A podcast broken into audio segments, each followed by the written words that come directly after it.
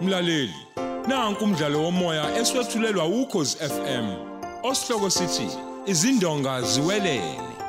Obhalwe ngubheki wakamsana.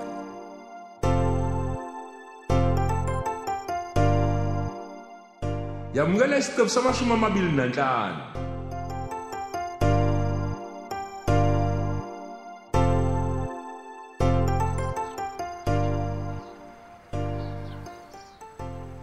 yeyi wena ntombazane umkhonye wakho kade la khona khona manje futhi kufika wena U- umthathwe ningifuna nini kanti bengingazi-ke nokuthi kwafika la mina ngihamba ngomsebenzi wami njengentatheli ufunani ngizwe kuthiwa uyahlukana nenkampani yakho namhlanje bengicela ukuba khona ukuze ngizobhala indaba yakho ow ubusutholanike angithi phela mina ngihola ngakho ukhiphe indaba uyazi abantu bazobona ngelinye isayidi lokho kokuthi ungusomabhizinisi wenze ngathi uyaqala-ke namhlanje ukwazi ukuthi nginebhizinisi mina kanti akaxoxi lutho-ke ngawo zakhe kumina izinto nje ngiyazitholela ingakho-ke ngingazi nokuthi kuyafika la mina engikucelayo kwena ukuthi ngibe khona uma ngabe senixhawulana ninika nokhiya cha kulungile kodwa ungabhali kudoti ngami angithi sohlangana ehhovisi lika-advocate mpela uzwe kahle Alright.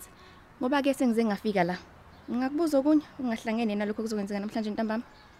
O- ukhuluma ngani ukhuluma ngani sisi Kenel. Kunamahemhem athi icala lokufa kababa wakho selivuke phansi. hawu hayi cha ngikwazi-ke lokho mina Kanti ungangitshela nje ngoba ngizwile kuthiwa manje icala lizophathwa uCaptain Mkhize. ayi cha ma ngingakuchithela isikhathi yebo livukile Akho umuntu osolekayo manje uma lingaphethwe yimina icala ngizokwazi kanjani-ke lokho noma ke ngingabuza kuyena mhlawumbe uCaptain Mkhize. hayi ke ukuthi ubuza bani indaba yakho leyo Ungabe nawo ukucelile yini ukuthi umnike sakhe istatement? yebo ngoba ngangikhona phela ubaba edutshulo Hayi ngoba umsolo. Ngi- ngisola ukuthi ngenzeni Hawu. Phela uma ngabe kuwena wedwa owahlomula, kungenzeka ukuthi usolwe nawe. oh yinto ayizwile-ke leyo noma isuka kuleli khanda lakhe ligcwele inhlabathi ungibiza ngamagama ngeke ukusize ngalutho ngcono ukuthi mina ngibhale into engizwe ngawe kunokuthi ngibhale amahemhem umthetho wakho wena ntombazane u- ungifunani ufunani ngempela enele ngicela ukuthi ungiphendule ngenhlonipho ngenhlonipho-ke sisi ucabanga ukuthi uyini wena um uyini wena uyazi kodwa ukuthi mina ngiyilwe nawe uyazi uyadelela wena ufusele ndoda yakho le mina ngibuza into engiyizwile oh manje usabuzelani kumina ngoba phela uyazi wena angithi uyazi wena cha hhayi sekukuthi nje ngenza isiqiniseko uyabona-ke mina sisi angiyena umsolo futhi nganginodade wethu ngale nkathi ubaba edutshulo no kusho ukuthi-ke iy'tatimende zenu zizofana hhayi angazi-ke hhayi ngiyabonga sesobonana ntambamakhe ayihamba uyofa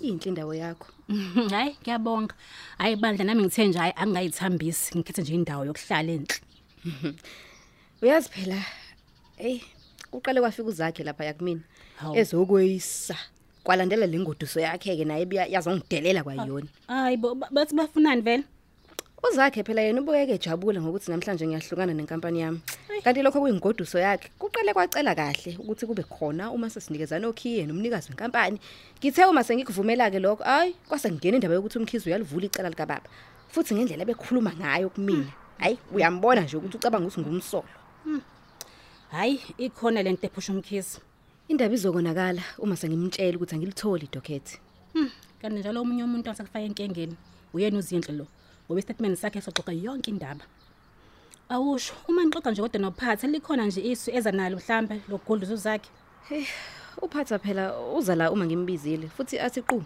abuye ahambe Eh, mhlawumpe kufuneka singalibeki lonke ithemba lethu kuyena yazi uqinisile ukhona umnyakazi esingawenza singamtsheli lutho uma sikhuluma naye hhayi awusekho nje lowamdlandla hayi yabona uma usubuya kumhlangano wakho ufuneke ke siqale eminye iminyakazo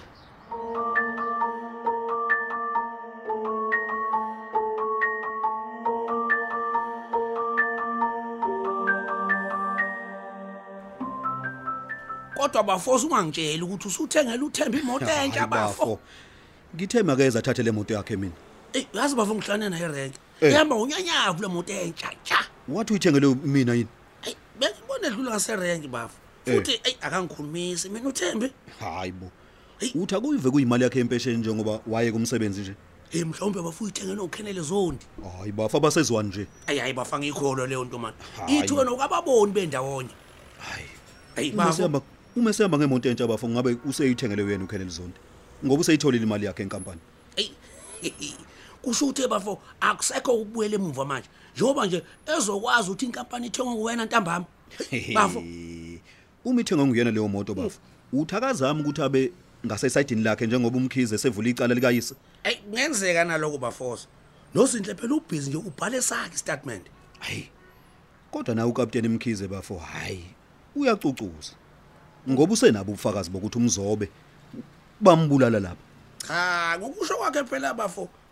Bayidedele inkamu yethembu lokuthi basaqhubeka nohlelo lokubulala wena. hayi bafo Amaphoyisa afuna ukubamba uqotsheni uKhenele Zondi noThembi bafo. Njengoba nje sisola ukuthi imoto le uyithengele uKhenele Zondi.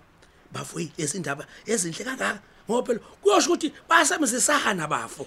hayi bafo kodwa lokhu uhlelo olusha bafo i- inkabi lethi beza nalo Hayi bafo man, lalela la mahlopho man.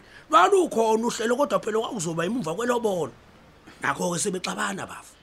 mina mahlobo into engifuna ukuyizwa ukuthi ngisaphephile yini hey bafosa njoba ngasho zakhe ngathi amaphoyisa akuqaphile Eh. phela bofo ngeke lokwezulazula ngamalamba alihlaza ke manje uzubona ukuthi ugadiwe hayi ngeke bafo man hawu lungile bafo a- a- ake sibone emuva kwanamhlanje ntambama ayikho into ezocasela ukhenele zone njengokuza ukuthi imini engithenga inkampani yakhe futhi ke sekungeyethu nozinhle sanibona hawu anele oh sawubona koti hawu washeshe wabuya sithanda sami hayi bengayanga emsebenzini phela kufuneka ngibe khona hayi bo. kulowa mhlangano wenu hayi bo U- ucabanga ukuthi khenele zonke uzoyivuma kodwa leyo nto kanti sengivela kuyena-ke hayi bo ngeke ocela ukuba khona emhlanganweni kodwa njengentatheli wavuma hhayi uvumile okay hawu kodwa ubezonqabelani ngoba akaphuphi nokuphupha ukuthi mina ngingaba khona nje hayi wena wedwa phela bafo nozinhle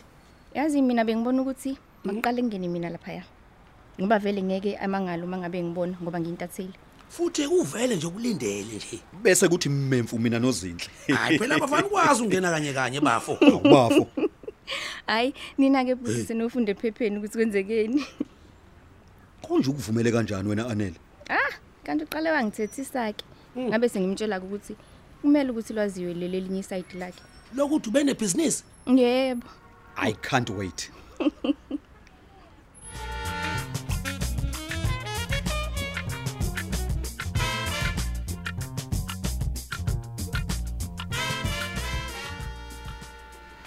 ngithe mangiqalela kuwena advocate mpele ngaphambi kokuthi-ke ngiye kokwazisa abasebenzi bami ukuthi ngiyahlukana nenkampani namhlanje awu wenza into enhle kakhulu wenza into enhle nje kukhona-ke okunye engingamele ngikuphathe ngaphandle kokhiye oh phela njengoba uzofika nje nokhiya akusho ukuthi uzolikhiya ihhovisi kube kusetshenzwa into obungayiphatha nje amabhuku nezincwadi lezi ezibalekile ezekhampani sekuthi ke emva kwalokho bese uhambe nomnikazi omusha ke ukuyokhombisa abasebenzi nje eh kanye nezimpahla zenkampani o oh, njengani awu angithi phela nina nisebenza ngemshini emkhulu ungamkhombisa nje mhlawumbe nesitolo lesisezinto enisebenza ngazo Oh, hayi yazwakala um advocate. Okunye ebengifisa ukukubuza la ukuthi ngelinye ilanga mangase kube ukuthi ngiyaba nayo imali, ngingakwazi ukuphinde ngiyithenge inkampani yami.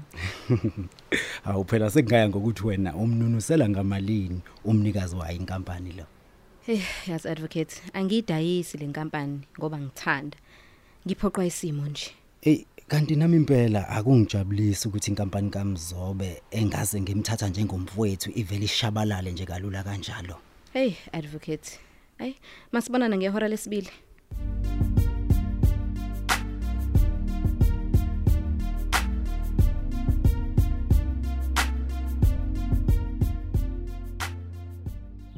Usiphazamisile phela izolo ubusi sisakhuluma ngamalungiselelo omshado wenu. Kunjalo, kodwa ngizile ngalokho njengamanje. Ewu. Ngiyazi uphatheke kabi ukuthi inkampani yomfo wenu isithengwe abanye abantu. Ah, ukona kunjalo. Musa nje ukungikhumbuza ngale nto zinhle.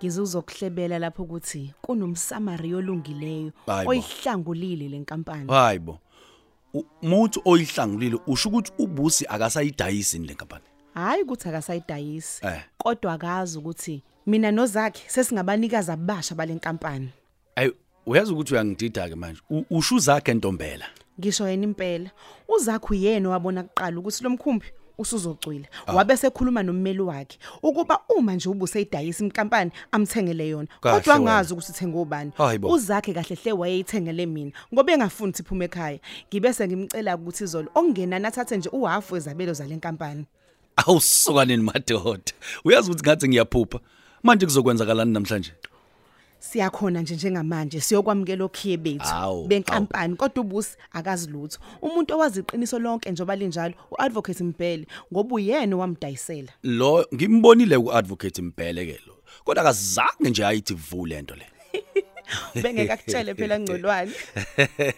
kanti ubusi unibiza ngelambi nje izola kanti akazi ukuthi nina nithengele inkampani yakhe Hmm, uzothuka nje sesingena uzothika akazibulale sebona uzakhe ngoba phela inkukhu nempaka uyazi ukuthi ngimbuzile ukuthi ubengayidayiseli ngani wena le nkampani wabe sethini hayi kubeke kwacaca nje ukuthi phela nina nithelelana manje bengicela la ngcolwane ukuthi uma sesiqede konke size la sizohalalisela ukuthi inkampani yethu isamile nje hayi ngingakujabulela phela lokho kakhulu futhi kufanele sihlabe inkomo noma ezimbili nje eh yini singawenzeli lo msebenzi ekhaya noma nje sizohlaba nje hayi phela mase kukhuluma wena ngcolwane ngoba vele nguwe okhuluma nempepho akube njalo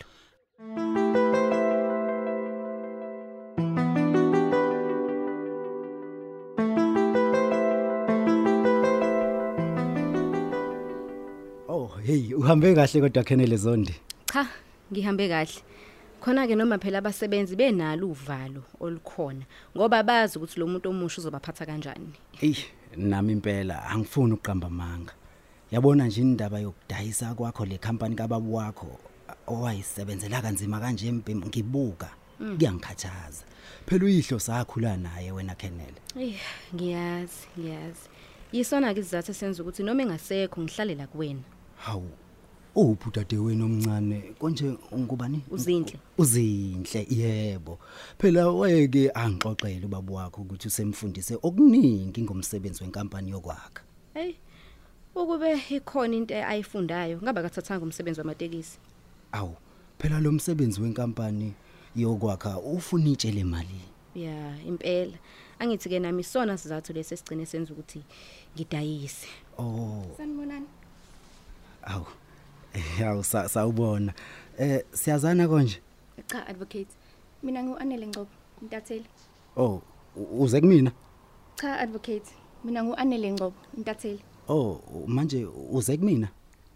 cha bengikhulume noKenneth Zondo ukuthi ngizoba khona uma esehlukana nenkampani uqinisile kodwa-ke ngicela ungangeni ezintweni ezingahlangene nalokho esikwenzayo la ngoba lokho kokubangela amazinyo alishelelezi kanti khulileka Kenneth mina ngizobhala ngalokhu kuhlukana nenkampani yakho angazi noma ngasho yini ukuthi ithengo kubani hayi ayikho inkinga lapho ngiyabonga ke Aw, sanibonani advocate Mpela. Hawu, sawubona advocate Shezi. Hawu, uphi manje umuntu wakho? Hayi bengibatshelile ukuthi umhlangano uqala nini. Ngicabanga ukuthi bayeza. Hawu, kanti bangaki? Babili kodwa ke izabelo zabo ah, ziyalingana. Oh. Futhi baye- bayenza kahle ke neBE le leyo nto e- ezokwenza ukuthi kube lula nje ukuthola umsebenzi kahulumeni. Sanibona. Ngiyaxolisa ngokufika emva kwesikhathi kancane. ufunani lola Hayi Hawu, bo. ngokwazi kwami uyena umnikazi wale building. Mhlawumbe uze ngesivumelwane kanye nomthengi. Cha, u- ungomunye abanikazi benkampani le esithengiwe. ini Hawu, wabuke kunenkinga nje. Kwenze njani ukhanele? hayibo sanibonani eh bengisabheka indawo yokupaka ngiyaxolisa ufunani-ke futhi lola Oh, Inkampani phela ithengwe uzinhle mzobe. hayibo Nozakhe kanjani Ntombela. kanjani Bengithi uyitholile nje imali advocate. Oh yebo yebo ngiyitholile ngamnika futhi wabonga nje. mina bengingazi ukuthi ngidayisela labantu Awu ehlisa umoya phela Khenele. wena ngangishilo kuwena ngathi into ethi intombela phakathi angiyifuni S- Sengathi uyaphazama Kenneth. Ubengazi uadvocate Mpela ukuthi ngubani, eh, ngobani abathengi ben- benkampani. Bengingazi ngempela. F- Futhi besingekho nje ngisho isidingo sokuthi simtshele ngaphandle kokuthi simnike imali ayifunile. Esikwenzileke. esikuzele la thina sizokwamukela inkampani esiyithengile ngokusemthethweni bese kuba wena oy- oyiyosethula kubasebenzi ngeke mina ngize ngiyenze leyo nto nina sengithatha inkampani yami nayinikeza izitha zami izitha zakho zithenga inkampani ebidayisa njengephoyisa kufanele ukuthi wena uyazi ukuthi abaphulanga mthetho labantu oh imisebenzi yokungcola yakho lezakhe ungazi uchitha isikhathi sakho umphendula lapho eh uphendulana naye lo Hawu bafethu mina bengicela ukuthi sivele siqhubeke nebesikuzele. Ingazi intatheli sikhiphe ephepheni. lo nondindwa lo ubazi kahle usikwenzakalani A- Awu simani phela i- i- ayihlisa umoya. Sicela ukunika inkampani yenu ngokusemthethweni. UKenele nguyena ke ozonikhombisa yonke into. xayi wena ngeke ngize ngiyenze leyo nto mina nina nakamabhuku nakamaphepha nakokhi ziboneleni A- a- a- Ayenziwa nje leyo nto Kenele. anginandaba ayenziwa nalokho nje. mina anginandaba nje nayo yonke leyo nto nina nobabili ngicabanga ukuthi nihlakaniphile nine nizongifunda ningiqonde U- umuntu akusesongela abantu bami ke manje advocate Awu a- ngicela wehlisa umoya. xa ihambani niyofa maxoka indini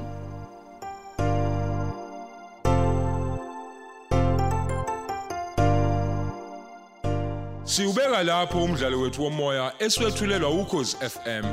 Osihloko sithi izindonga ziwelele.